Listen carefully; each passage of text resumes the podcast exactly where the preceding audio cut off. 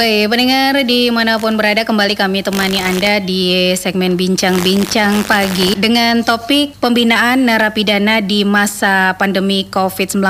Dan tentunya kita sudah hadir narasumber kita di pagi hari ini, Kasih Pembinaan Lapas Fak-Fak Bapak Asdi Fahri. Dan khususnya untuk pendengar yang ingin bergabung ya bersama dengan kami, bertanya langsung atau memberikan saran pendapat, langsung saja melalui jalur telepon di 225 23 atau juga melalui pesan singkat di 082196737977. Baik pendengar saya langsung saja menyapa narasumber kita. Selamat pagi Pak Asdi. Selamat pagi. Iya, apa kabar pagi hari ini? Alhamdulillah sehat-sehat. Baik. Alhamdulillah sehat ya. Oke, terkait topik kita kali ini tentang pembinaan narapidana di masa pandemi COVID-19. Nah, ini uh, pembinaan-pembinaan apa saja nih yang sudah dilakukan Lapas Fakfak sampai saat ini? Baik, terima kasih atas waktunya. Pertama, Selama masa pandemi COVID ini, pembinaan di lapas Fakfak dilakukan di dalam lapas. Mm -hmm. Karena situasi dan kondisi COVID, maka pembinaan, keseluruhan pembinaan mulai dari kerohanian sampai eh, jasmani sampai kemandirian, semuanya berlaku di dalam lapas. Tidak ada yang keluar dari lapas. Mm -hmm. Jadi sementara sesuai peraturan menteri, ya kita melakukan di dalam untuk mencegah hal-hal yang terjadi di selama pandemi COVID ini. Mm-hmm. Demikian. Oke, okay. nah ini uh, program-program apa saja nih yang sudah dilakukan Lapas Fakfak sendiri terkait pembinaan yang ada di lapas? Jadi pertama yang kita lakukan asimilasi COVID. Mm-hmm. 19 ini sesuai Permen nomor 32 tahun 2020 yang baru mm-hmm. ya, Kemarin kita sudah mengeluarkan sekitar 50 warga binaan untuk asimilasi di rumah mm -hmm. untuk mencegah pengurangan COVID di dalam lapas. Jadi alhamdulillah sudah kita keluarkan 50 sekitar 50 warga binaan untuk asimilasi di rumah dengan kita melakukan kontrol, melakukan koordinasi dengan Bapas Balai mm -hmm. Kemasyarakatan untuk melakukan pengontrolan mm -hmm. ke, ke warga binaan tersebut sambil kita mengusulkan mereka punya usulan bebas bersyarat. Mm-hmm. Jadi mereka di luar kita mengusulkan bebas bersyarat uh, sampai pada saat surat mereka turun mereka menjalani pembinaan di rumah. Jadi kita tetap melakukan kontrol untuk mencegah hal-hal yang terjadi di artinya selama pandemi Covid ini. Mm-hmm. Ya, ya. Oke, okay. uh, eh, terkait asimilasi ya, tentunya tadi sudah disampaikan 30 warga binaan yang diasimilasi gitu yeah. ya. Dari mulai turunnya surat keputusan gitu? Iya, yeah, mulai di diturunkan itu bu, sekitar bulan Maret mm -hmm. 2020 sekitar mm -hmm. 2020 2000 tapi itu sudah menjalani dua per tiga masa pidana dua per tiga masa pidana dia sudah mm -hmm. menjalani dua per tiga masa pidana untuk mengurangi apa kelebihan kapasitas penghuni di dalam kita mm -hmm. mengeluarkan sebagian dengan jalur asimilasi eh, rumah untuk warga binaan jadi mm -hmm. kita mengurangi untuk kontak secara langsung dengan ini warga binaan itu.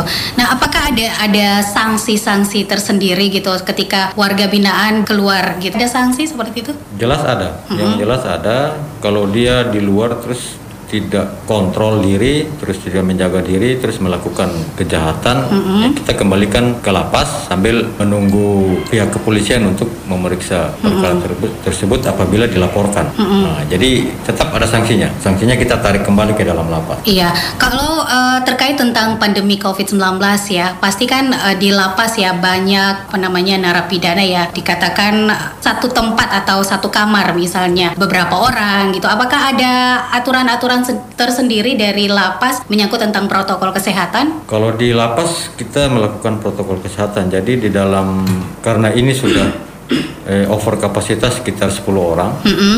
Jadi kita melakukan tetap melakukan protokol COVID dengan tidur agak jarak. Mm. Ya, kita usahakan supaya mereka tidak melakukan kontak terlalu apa dekat. Mm. Ya, kita melakukan pokoknya di dalam itu kita ada air untuk cuci apa cuci tangan dan sanitizer semua kita lakukan terus eh, vitamin apa kita berikan setiap hari yeah. untuk mencegah itu COVID. Oke, nah tentang asimilasi, apakah ada uh, dikatakan pro dan kontra gitu, uh, atau ada protes dari masyarakat gitu terkait um, asimilasi atau pembebasan narapidana? Karena kait narapidana gitu ya, mungkin ada sedikit takut masyarakat gitu, ya.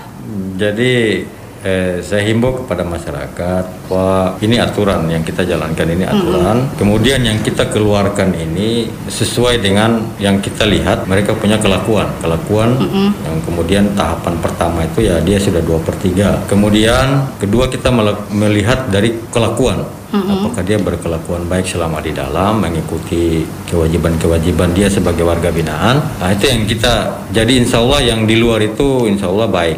Allah baik dan apabila ada temuan-temuan bahwa mereka minum atau apa jelas kita tarik kita akan kembalikan ke dalam lapas nah, untuk membatalkan mereka punya SK asimilasi hmm. kita menarik kembali ke dalam lapas karena meresahkan warga masyarakat tetap kita tarik. Oh gitu ya. Berarti kalau buat pelanggaran ditarik kembali lagi. Ditarik seperti. kembali. Oh iya. Baik Pak Asdi, sebelum kita lanjut lagi kita dengarkan dulu pesan-pesan berikut ini. Nah, udah malam.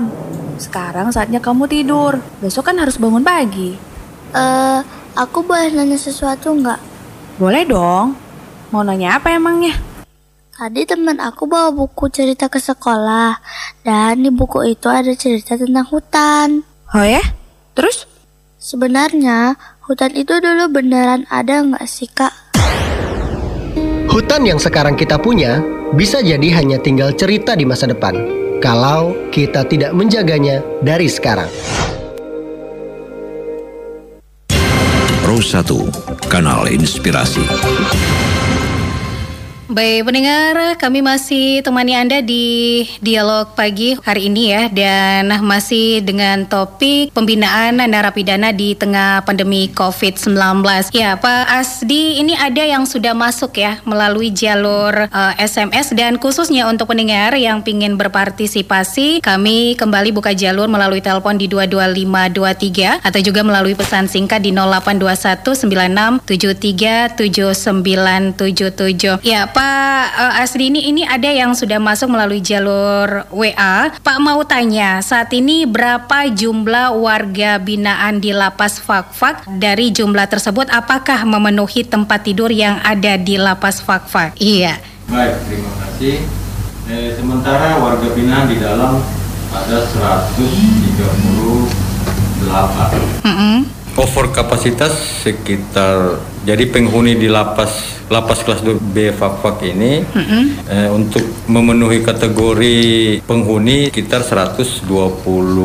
122. Ya, itu itu istilahnya sudah memenuhi penghuni dalam lapas. Mm-hmm. Apabila kalau lebih dari itu berarti sudah over kapasitas. Mm-hmm. Jadi sementara ini over kapasitas sekitar 18 18 atau 19 orang. Mm-hmm. Jadi untuk di dalam insya Allah masih bisa, masih bisa untuk kita melakukan apa untuk asimilasi ini bisa bisa kita inilah protokol kesehatan bisa kita jalankan. Bisa dijalankan sampai saat ini ya. Sampai saat ini bisa. Mm -hmm. Oke. Okay. Nah ini saat ini kan kasus-kasus apa yang terbanyak nih yang dilakukan oleh narapidana yang ada di lapas Fafak ini yang paling terbanyak? Kalau paling terbanyak asusila, kesusilaan. Asusila. Pasal 82 itu. Mm -hmm. Itu paling terbanyak di Fafak. Jadi ada kiriman dari Sorong, dari Manokwari, -hmm. itu pun kebanyakan kasus narkoba. Mm -hmm. Kalau untuk Fafak sendiri kasus kesusilaan paling banyak. Paling banyak. Kalau dari luar uh, seperti tadi narkoba terus apa lagi? Eh, narkoba pencurian dengan kekerasan terus itu dari uh, di, dari Sorong dari Sorong, Sorong hmm. dari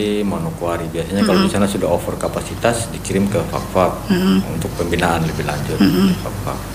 Oke, nah ini uh, pengawasan apa saja nih yang uh, dilakukan uh, kepada narapidana yang mendapatkan program integrasi nih? Kalau pengawasan seminggu sekali mereka harus lapor melaporkan diri ke Bapas karena kita bekerja sama dengan Balai Pemasyarakatan. Mm -hmm. Jadi kita keluarkan nanti yang mengawasi Balai Pemasyarakatan. Balai Pemasyarakatan.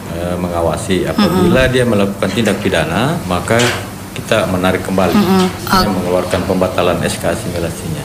Iya, kemarin-kemarin sempat ada isu terkait agak sedikit bebas nih narapidana yang ya. ada di lapas. Nah ini menanggapinya seperti apa nih? Kalau kemarin itu asimilasi luar, sebelum COVID itu kan ada beberapa yang kita pekerjakan di luar. Itu pembinaan dan eh, sesuai dengan perintah dari pimpinan, wah tapi tahapan-tahapan tetap kita lakukan seperti sidang, kita melihat kelakuannya, kita melihat apa kesehariannya di dalam lapas, terus nah, itu yang kita pilih.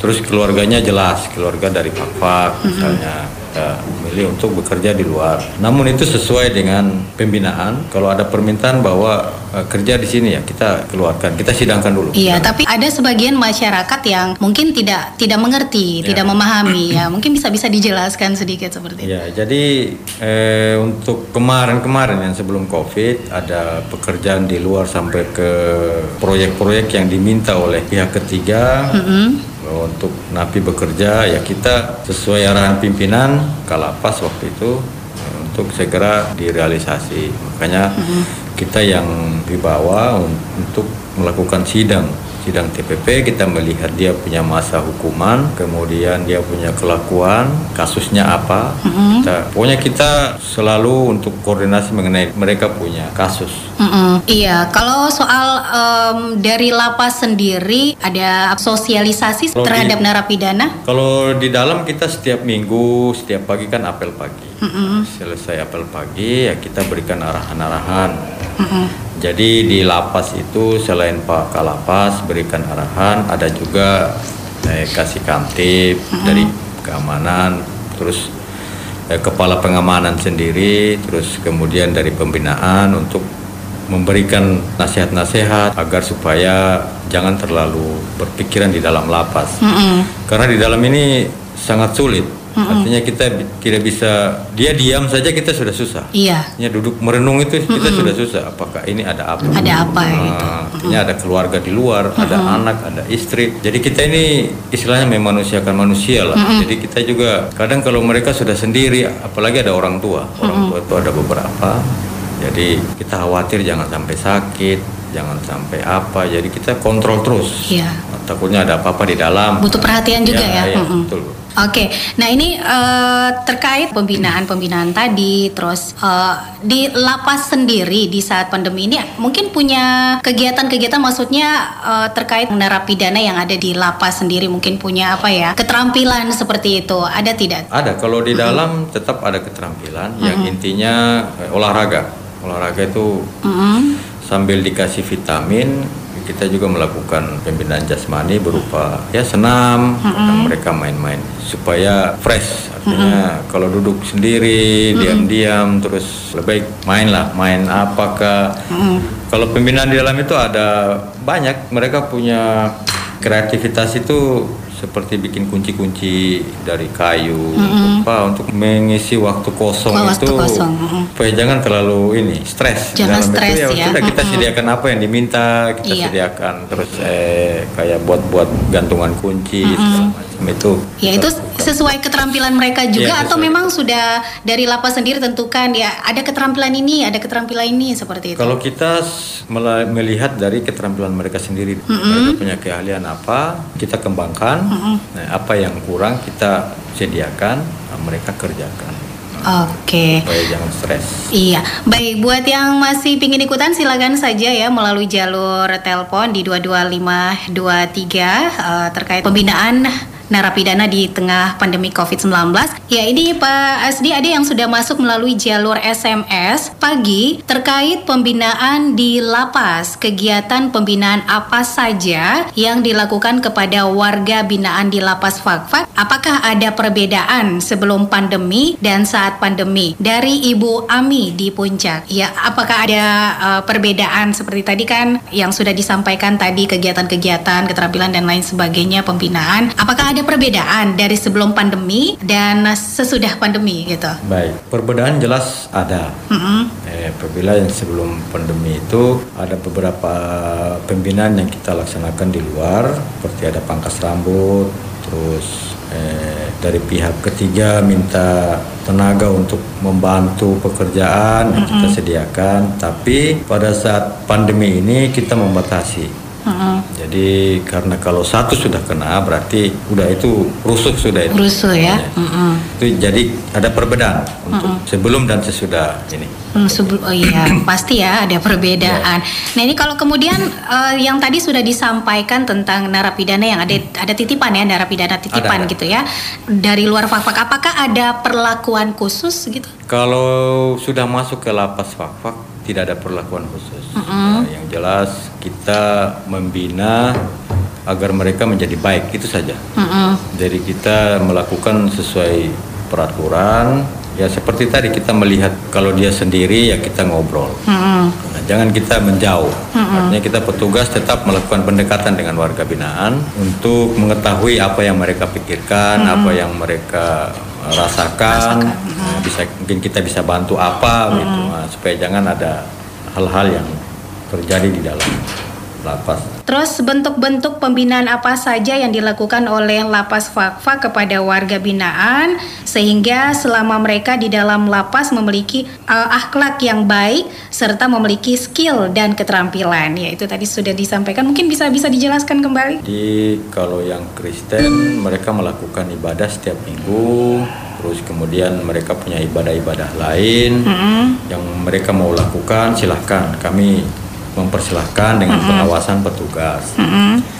Kemudian kalau untuk yang Muslim, yang Islam, ya mau mau ngaji, mau sholat lima waktu silahkan. Kecuali mungkin sudah mungkin batas asar.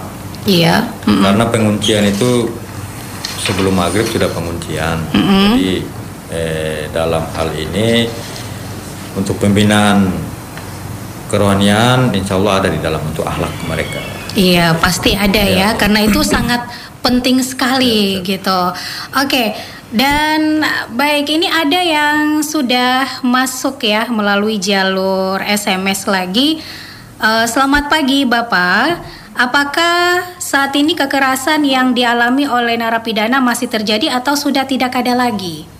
Gitu. Apakah ada kekerasan gitu di di lapas sendiri atau gimana? Mungkin sesama narapidana atau gimana gitu? Baik, terima kasih. Eh, sebelum saya lanjutkan ini ada petugas dari Bapas kemudian yang baru datang ini. Iya. Eh, jadi lapas dengan Bapas ini harus di, di apa satu ini tapi kementerian tapi beda tusi. Iya. Tusinya beda. Nah, jadi kalau kita seperti tadi asimilasi, kita serahkan ke beliau, nah, nanti beliau yang mengawasi. Oke, iya. Jadi untuk pertanyaan tadi eh, di dalam Insya Allah untuk saat ini dengan begitu banyak aturan eh, kita pun menyadari bahwa yang melakukan ini manusia. Dia punya perasaan punya hati. Jadi apabila dia masuk pertama ya kita tidak pernah ada kekerasan artinya di dalam pun kita mengawasi jangan sampai ada kekerasan antara warga binaan dengan warga binaan.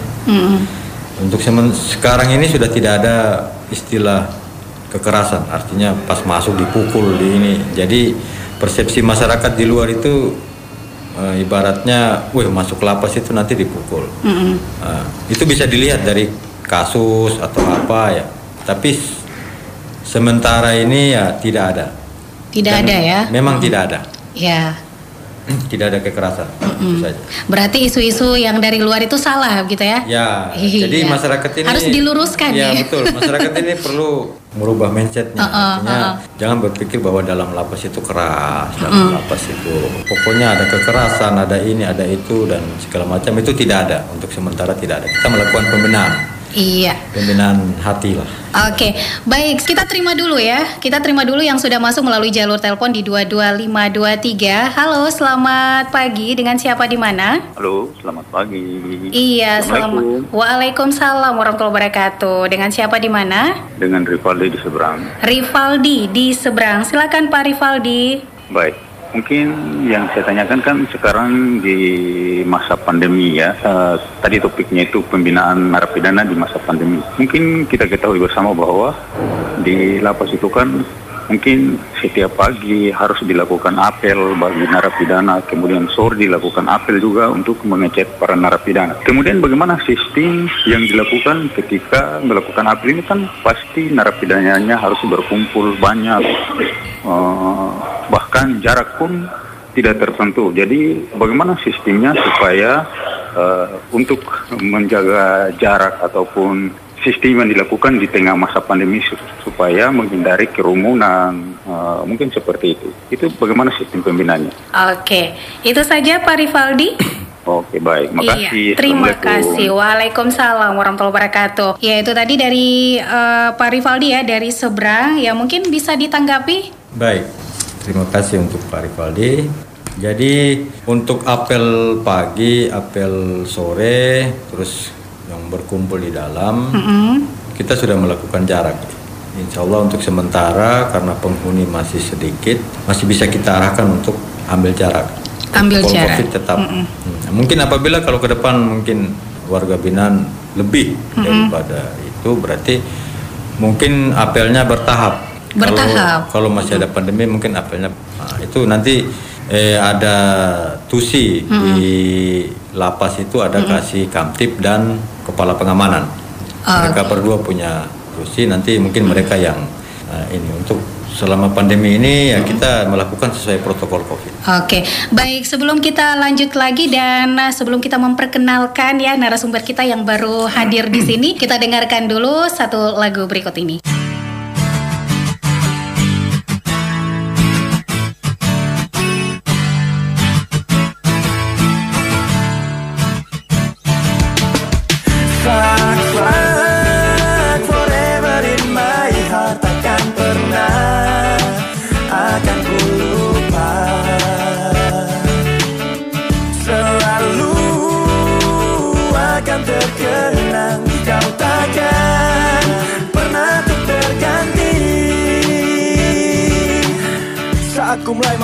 Lembaran hidup Melihat cahaya mentari. Udara yang aku hirup Kesejukan yang terasa. Terbaur ke dalam dada Fak-fak selalu takkan pernah terlupa.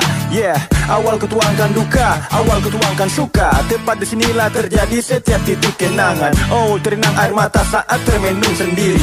Kota kelahiranku tetap selalu berada di hati. Sio darah semua Mari bagandeng tangan. Bangun katompung kota ini kota perjuangan. Kita tercipta bukan untuk saling membedakan. Jangan ada baku marah Katong semua sama. Jangan biarkan dengki merobek hati Amarah yang timbul buat kita jadi pecah Yeah, bersatu itulah yang lebih baik. Pikiran positif buat kota ini kan beranjak naik.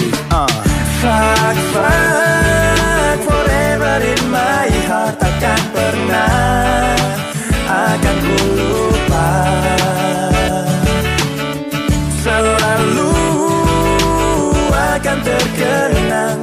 Takkan pernah terganti Mari satukan langkah, pegang satu amanat Satu ketiga batu pegangan yang takkan pernah tamat. Ingat mau yang pun pasang, jangan kata orang lupa. Di genggaman tangan janji itu jangan biar terlepas. Beda budaya, bukan suatu alasan. Untuk saling membedakan, untuk saling bermusuhan. Ingat Tuhan ciptakan katong itu semua sama. Satu kehidupan, I love rock itu yang utama. Terlihat gemerap kedap kedip cahaya di malam hari. Bulan bersinar terangi setiap celah di kota ini. Buatku semakin merindu fak-fak tercinta. Meraih impian, gapai segala yang kita cinta oh. Segala rasa ketuangkan dalam lagu ini. Wujudku hanya ingin berkarya untuk kota ini. Sia Tuhan jaga beta pun kota ini. Jadikan semua seperti yang kita ingini. Uh. Fuck, fuck, forever in my heart Takkan pernah akan ku lupa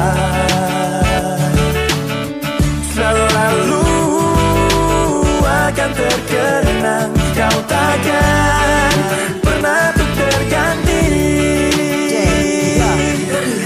kejauhan berdiri dengan gagah Hijaunya fak-fak yang akan terus ku jaga Harumnya bunga pala yang membuatku semakin bangga. Akan kota fak-fak yang selalu ku damba Julukan kota pala itu yang selalu ku dengar. Melengking menggelegar membuat senyumku pun mekar. Usik sepi di hati menepis rasa tawar. Hingga ku mampu berkarya dan berdiri tegar. Hiliran angin yang menerpa serasa melambai. Indahnya panorama kota fak-fak membuatku seakan dibuai. Tak ingin sedetik pun ku melangkah dari kota ini. Karena banyak kenangan telah bercampur dalam darah dan nadi. Inilah kota kecilku yang penuh dengan kedamaian. Sampai mati pun namamu takkan aku lupakan. Kota kecil yang memotivasiku ke depan. Untuk berkarya harumkan namamu menjadi number one.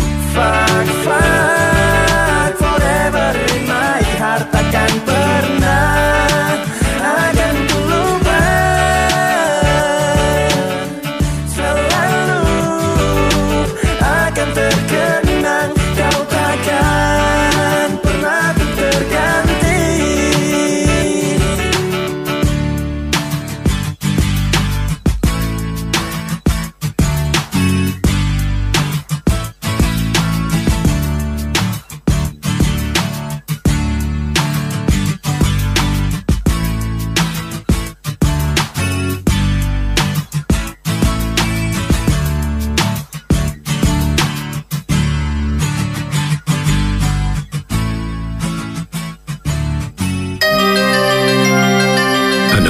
mendengarkan RRI Radio Tangga Bencana COVID-19.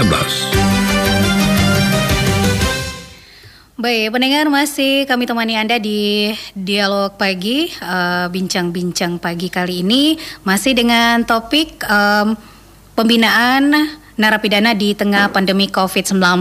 Nah ini sudah hadir narasumber kita yang kedua dari Balai Permasyarakatan Fakfak ya, Bapak Muhammad Najib Daroini, selaku Kasubsi Bimbingan Klien Dewasa. Ya saya sapa dulu beliau. Halo, Assalamualaikum Bapak. Halo, Waalaikumsalam. Iya, apa kabar nih pagi hari ini Bapak? Kabarnya cukup baik, Cukup sehat, baik, alhamdulillah sehat. ya. Iya, ini dengan senyum yang luar biasa pagi hari ini ya karena pengaruh cerah juga ya Bapak ya. Bisa jadi siap-siap.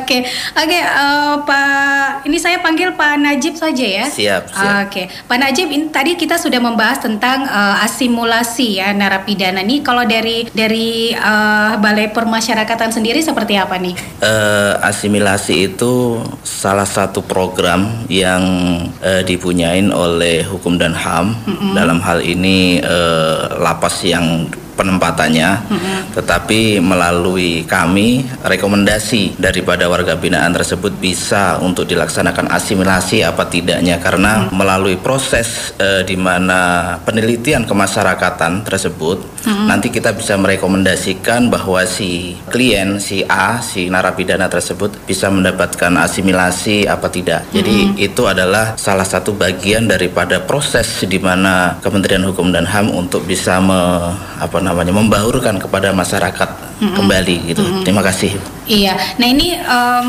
kerjasama antara lapas dan balai permasyarakatan sendiri seperti apa nih? Kalau dari Bapak Najib? Eh, kerjasamanya bahwa dari pihak lapas nanti menyurat ke kita bahwa ada klien yang di mana secara hitungan, secara hitungan itu secara pidana eh, sudah memenuhi persyaratan yaitu setengah daripada masa pidana eh, dari pihak lapas menyurat ke kita untuk meminta eh, penelitian kemasyarakatan kepada kita. Dan kita akan turun langsung ke lapangan. Jadi lapangan itu berupa kita bisa ambil datanya dari warga binaan, setelah itu penjamin dan sekaligus rumah di mana atau mungkin pekerjaan yang nantinya akan kita salurkan kepada masyarakat kira-kira apa yang cocok buat warga binaan tersebut. Begitu. Terima kasih. Oke, nah ini eh, mungkin kita dari dari lapas dulu nih ya. Ada yang sudah masuk. Selamat pagi Bapak. Apakah ada pembatasan pengunjung di masa pandemi untuk penerapan protokol kesehatan seperti apa? Kemudian kepada para warga binaan, apakah ada pemeriksaan kesehatan dalam hal ini rapid test sebagai langkah awal mendeteksi atau mencegah penyebaran corona di lapas? Ini dari masih dari Ibu Ami nih. Oh siap. Iya. Terima kasih. Eh, untuk sementara besukan tetap kita laksanakan, Mm-mm. tapi tidak berkumpul. Jadi ibarat hanya menitipkan barang, kemudian mengobrol sedikit dengan ada pembatasan, pembatasan memakai plastik kan. Nah, jadi tidak langsung berhubungan tidak. Jadi berbicara tapi ada pembatas. Jadi, Ada pembatas. Ada pembatas. Jadi protokol. Jadi sebelum masuk ada cuci tangan di depan. Kemudian barang kita periksa secara steril, disemprot dulu, nah, baru kita panggil warga binaan tersebut, nah, ada keluarga yang besuk dan tidak berkumpul, antre. Jadi eh, satu dulu habis baru satu. Iya, Jadi, itu pakai jam-jam atau bagaimana atau eh, dikasih waktu? atau- Kalau jam besukan dari pagi jam setengah sembilan pagi sampai jam satu Mm-mm. itu jam besukan. Jadi untuk besukan tetap ada sesuai protokol COVID. Kemudian kemarin kita adakan rapid, eh, alhamdulillah semua negatif. Mm-mm. Eh, hasilnya hasilnya negatif. Dan nanti ada kita ada rencana untuk apa koordinasi dengan pimpinan tertinggi untuk bagaimana melakukan rapid lagi Mm-mm. mengetahui positif dan negatifnya warga binaan. Oke, lalu untuk para petugas ya, eh, petugas jaga di lapas Papa sendiri, apakah ada pemeriksaan kesehatan yang dilakukan rapid test atau swab test gitu? Ya kemarin sudah melakukan rapid test, sudah berapa kali melakukan dan semuanya alhamdulillah negatif. Eh, untuk petugas, petugas binaan tetap kita laksanakan sesuai Hmm. arahan dari Pak Kalapas. Kalau memang mau di rapid, kita rapid. Hmm. Nah, kita semua tergantung pimpinan. Oh, berarti harus dari pimpinan dulu Iya, nih ya. Pimpinan, kalau memang pimpinan, ya kalau hari kita rapid, ya rapid. Berarti sampai saat ini belum ada, belum ada rapid test atau? Kalau rapid sudah, sudah berapa kali kita lakukan. Jadi eh, tahanan yang dari kejaksaan pun Mm-mm. harus direpit dulu. Rapid dulu itu sebagai syarat. Mm-mm. Eh, rapid dulu kalau memang dia negatif baru masukkan ke dalam lapas. Kalau tidak, jangan dimasukkan dulu. Jangan dimasukkan ya. Oke, ini Pak Najib dari eh, saya ke Pak Najib dulu ya. Tadi Siap. sempat ada yang bertanya juga tentang pro dan kontra eh, apa namanya asimilasi narapidana ya, gitu. Nah ini dari Balai Permasyarakatan Papua sendiri ini menanggapinya seperti apa nih? Eh, pro dan kontra dari masyarakat itu pasti ada Mm-mm. ya karena eh, mereka biasanya bersinggungan langsung atau tidak langsung dengan warga binaan tersebut. Tetapi eh, kami dari pihak pembinaan kita pem- bimbingan dalam konteks bahwa narapidana tersebut atau klien itu sebisa mungkin untuk bisa berbaur kembali ke masyarakat kita bina terlebih dahulu kita sosialisasikan terlebih dahulu supaya nanti eh, ke depan itu tidak menjadi mohon maaf sampah masyarakat Hmm. atau mungkin bisa menjadi yang lebih berguna Iya. daripada masyarakat itu sendiri. Oke, nah ini pengawasan dari eh, lembaga permasyarakatan sendiri ini apa saja nih yang sudah dilakukan? Untuk pengawasan dari kami Iya. ya setelah eh, warga binaan tersebut keluar dari lapas bahwa kami eh, secara rutin itu biasanya mengunjungi rumah-rumah daripada warga binaan yang kita jadikan tempat asimilasi Mm-mm. karena eh, kami mempunyai tanggung jawab untuk itu eh, sampai sejauh mana program yang kita arahkan kepada warga binaan itu terlaksana dengan baik apa tidak. Jadi setelah itu kita eh, apa namanya evaluasi. Kalaulah memang seandainya warga binaan tersebut mohon maaf melakukan pidana kembali maka secara otomatis kami dari pihak Bapas akan mencabut SK asimilasi tersebut kita cabut dan kita masukkan kembali ke dalam lapas lagi terima Oke, kasih baik kita terima dulu yang sudah masuk melalui jalur telepon. Ya, halo, selamat pagi. Oke, terima kasih buat yang sudah masuk ya. Kami masih menunggu dan bagi yang masih ingin ikutan silakan saja melalui telepon di 22523 atau juga melalui pesan singkat di 082196737977. Baik, kita terima lagi. Halo, selamat pagi Pro 1. Dengan siapa di mana? Assalamualaikum. Iya, Waalaikumsalam warahmatullahi wabarakatuh. Dengan siapa di mana? Ya, dengan di puncak. Di puncak, Pak Mustafirin. Kira-kira. Eh, kira-kira begitu. Oke, silakan Pak Mustafirin. Ya, terima kasih Bapak Badan apa Pembina Pengawasan Lapas. Ya. Nah, istilah asimilasi tadi itu mungkin perlu penjelasan kan kalau dari segi kata itu kan pembauran. Apa ini maksud pembauran dengan penghuni lapas ini? Apakah dibaurkan dengan masyarakat atau dibaurkan dengan sama-sama penghuni lapas itu? Mungkin barangkali itu perlu penjelasan. Makasih. Assalamualaikum. Waalaikumsalam warahmatullahi wabarakatuh. Baik, terima kasih buat Pak Mustakfirin. Ini uh, langsung ditanggapi Pak Asdi nih dari uh, pembauran ya um, narapidana nih. Ini gimana nih? Siap, siap. Eh, jadi istilah asimilasi ini artinya dia, dia dikembalikan ke rumah. Mm -hmm. uh, menjalankan asimilasi di rumah berbaur dengan keluarga. Mm -hmm. Artinya keluarga ini mungkin orang tuanya atau istrinya atau dan dibatasi untuk keluar rumah. Mm. Jadi pengawasan dari Bapas, dari Pak Najib ya untuk mengawasi bahwa dia melakukan apa di luar. Mm-hmm. Ya, kemudian setiap seminggu mungkin laporan, melaporkan diri. Tapi untuk asimilasi sendiri, mm-hmm. ya artinya tadi seperti yang dikatakan oleh Pak Mustaqbirin berbau ya. Mm-hmm. Nah, artinya ini ke rumah, mm. bukan ke masyarakat. Dia harus ke rumah, asimilasi rumah. Namanya asimilasi. Langsung rumah. ke rumahnya gitu Langsung ya. ke rumah. Mm-hmm. Nah, dan kita pun melakukan asimilasi melihat eh, keluarga yang ada di sini sebagai Mm-hmm. penjamin. Mm-hmm. Nah itu itu pasti itu ada. Oke, ya kita terima lagi yang pingin bergabung melalui jalur telepon. Halo, selamat pagi. Dengan siapa di mana? Selamat pagi, kembali dengan Pak Rivaldi di Seberang. Iya, balik lagi sama Pak Rivaldi. Silakan. Uh, baik, uh, mungkin yang saya tanyakan saat ini kan uh, sistem pembinaan yang dilakukan oleh lapas Fak seperti apa? Karena uh, saya lihat uh, karena ada kebijakan-kebijakan yang dilakukan oleh lapas sendiri bahwa uh, untuk narapidana itu supaya terbiasa dengan lingkungan dengan masyarakat.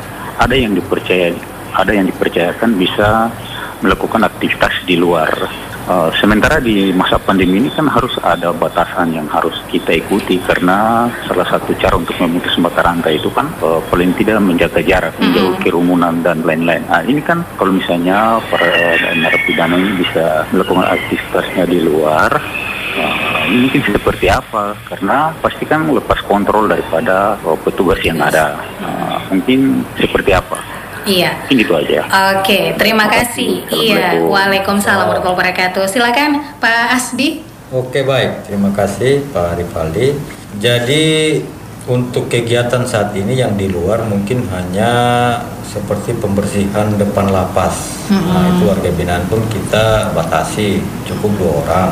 Kemudian sesuai protokol COVID sebelum masuk mereka harus cuci tangan, kemudian memakai masker eh, dan di luar tidak boleh kontak dengan siapa pun. Nah, karena untuk pembersihan depan lapas itu sudah ada tamping yang kita sidangkan TPP.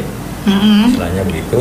Jadi setelah mereka melakukan pembersihan di luar, ya sebelum mereka masuk, Mm-hmm. masuk dan penguncian sore. Itu biasanya hanya dua orang saja kita lakukan. Eh, jadi mereka tidak kontak Mm-hmm. dengan orang luar. Kita selaku petugas memantau terus eh, pembersihan di luar. Mm-hmm. Nah, pokoknya ada eh, istilahnya apa namanya eh, di luar warga binaan yang di luar. Contoh mungkin disuruh untuk membersihkan apa itu di luar. Nah, itu pun yang tamping yang sudah kita sidangkan yang kita perintahkan untuk eh, sudah ada tampingnya dan sesuai protokol COVID. Jadi insya Allah aman kalau tidak ada kontak di luar karena kita mengawasi. Oke, ya ini ada yang sudah masuk juga melalui jalur WA. Selamat pagi narasumber dan penyiar, salam sehat. Uh, proyek seperti apa yang dilakukan di luar lapas? Karena opini yang berkembang di masyarakat yang suka jalan di hutan, apalagi di kampung-kampung, biasa disebut orang potong leher gitu. Nah, kebanyakan dikatakan bahwa itu orang dari lapas yang jalan. Waduh, bagaimana tanggapan narasumber supaya tidak ada pikiran buruk yang berkembang tentang nabi? Wah, ini dari Pak Asdi juga nih, silakan Pak Asdi. terima kasih. Uh-uh. Kebetulan pertanyaan ini juga sempat eh, saya alami. Mm-mm. Terus terang ada beberapa masyarakat yang ke rumah langsung Mm-mm. menanyakan bahwa, eh permisi bapak ini yang kita dengar Mm-mm. eh, orang potong-potong dari lapas. Wah, Uh-uh. saya kaget. Waktu itu saya kaget. Saya, wih, ini informasi dari mana? Katanya yang di berkeliaran di hutan itu warga binaan napi yang berkeliaran di hutan. Jadi saya bilang tidak ada napi yang berkeliaran di hutan. Untuk kalau mereka kerja pun di luar waktu sebelum pandemi ya. Iya. Itu pun diawasi sama petugas, ada pengawalan, petugas pengawalan. Kemudian isu yang berkembang, pokoknya mau sampai kapan pun, eh, warga binaan atau napi tidak ada yang menjadi orang potong-potong. Iya. Berarti ini eh, cara pemikirnya masyarakat Ya, itu harus dirubah. adi- harus, dirubah. dirubah. Cara pemikiran masyarakat harus dirubah bahwa warga binaan yang di dalam kita bina. Kita istilahnya memanusiakan manusia, bukan membinasakan manusia, Iya, bukan. Jadi betul. kita melakukan mereka seperti layaknya manusia. Mungkin nasib saja yang beda. Eh, ya sebagai manusia kita dengan perasaan, dengan hati, apa yang kita lakukan supaya jangan mereka stres. Oke, nah kalau dari eh, Balai Permasyarakatan Papua sendiri nih ya Pak Najib tentang sosialisasi nih, kalau dari eh, Balai sendiri sosialisasinya seperti apa nih? Eh, sosialisasi ke masyarakat atau sosialisasi gimana ibu? Eh, sosial- sosialisasi dari eh, kerjasama dengan lapas sendiri gitu, Mm-mm, warga Oh. binaan. Jadi begini ibu, Eh, kita mensosialisasikan ke masyarakat itu Mm-mm. si narapidananya itu ke masyarakat itu melalui beberapa program di mana bisa bekerja di eh, apa namanya pihak ketiga. Bisa juga. Jadi kita rekomendasinya bahwa anak ini kira-kira layak enggak eh, seandainya diberikan program asimilasi tersebut? Karena setiap individu itu berbeda-beda.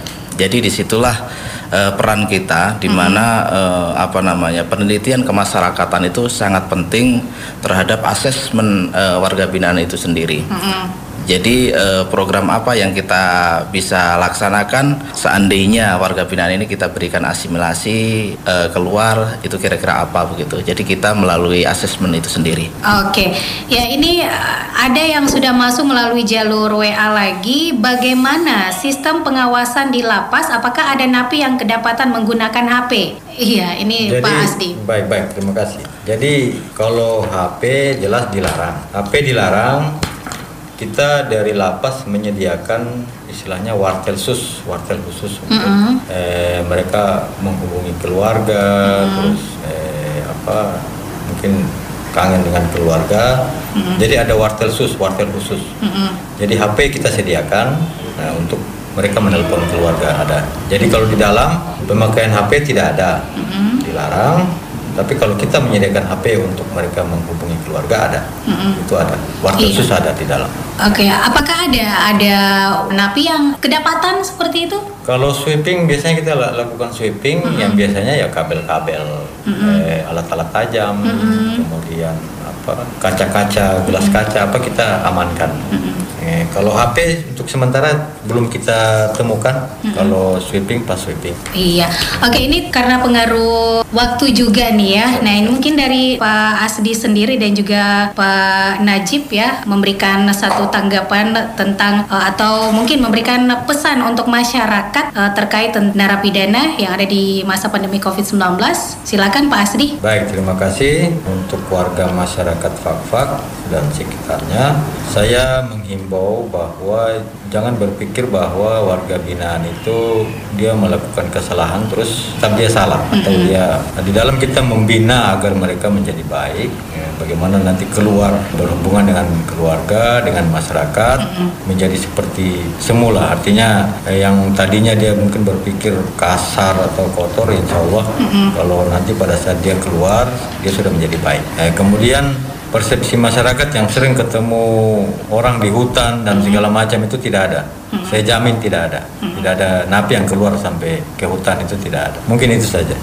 Oke, dan dari eh, Pak Najib sendiri terkait asimilasi narapidana di pandemi COVID-19 ini silakan Bapak. Saya menghimbau kepada warga binaan atau klien saya yang sampai sekarang ini posisinya sudah berada di luar lapas. Saya berpesan satu, jangan keluar-keluar rumah tanpa protokol karena mengingat Anda diberikan program asimilasi ini untuk program COVID-19 ini bahwa Anda dipercayakan bahwa Anda tidak keluar-keluar rumah sesuai dengan tujuan daripada Perpres nomor 32 tahun 2020. Yang kedua, bahwa masyarakat dihimbau untuk turut membantu kami dalam pengawasan yang sekiranya ada warga binaan, mohon maaf ada klien kami yang sekiranya berkumpul di ini tolong untuk diberikan peringatan bahkan bisa disampaikan ke kita supaya nanti kita bisa ingatkan kembali kepada klien tersebut untuk bisa mengikuti protokol yang ada. Terima kasih, begitu saja. Ibu. Oke, terima kasih buat Pak Najib dan juga Pak Asti yang sudah uh, meluangkan waktunya untuk hadir di dialog pagi kali ini dengan topik pembinaan narapidana di masa pandemi COVID-19. Dan baik pendengar, kami sudah uh, kelar temani Anda di segmen Bincang-Bincang Pagi.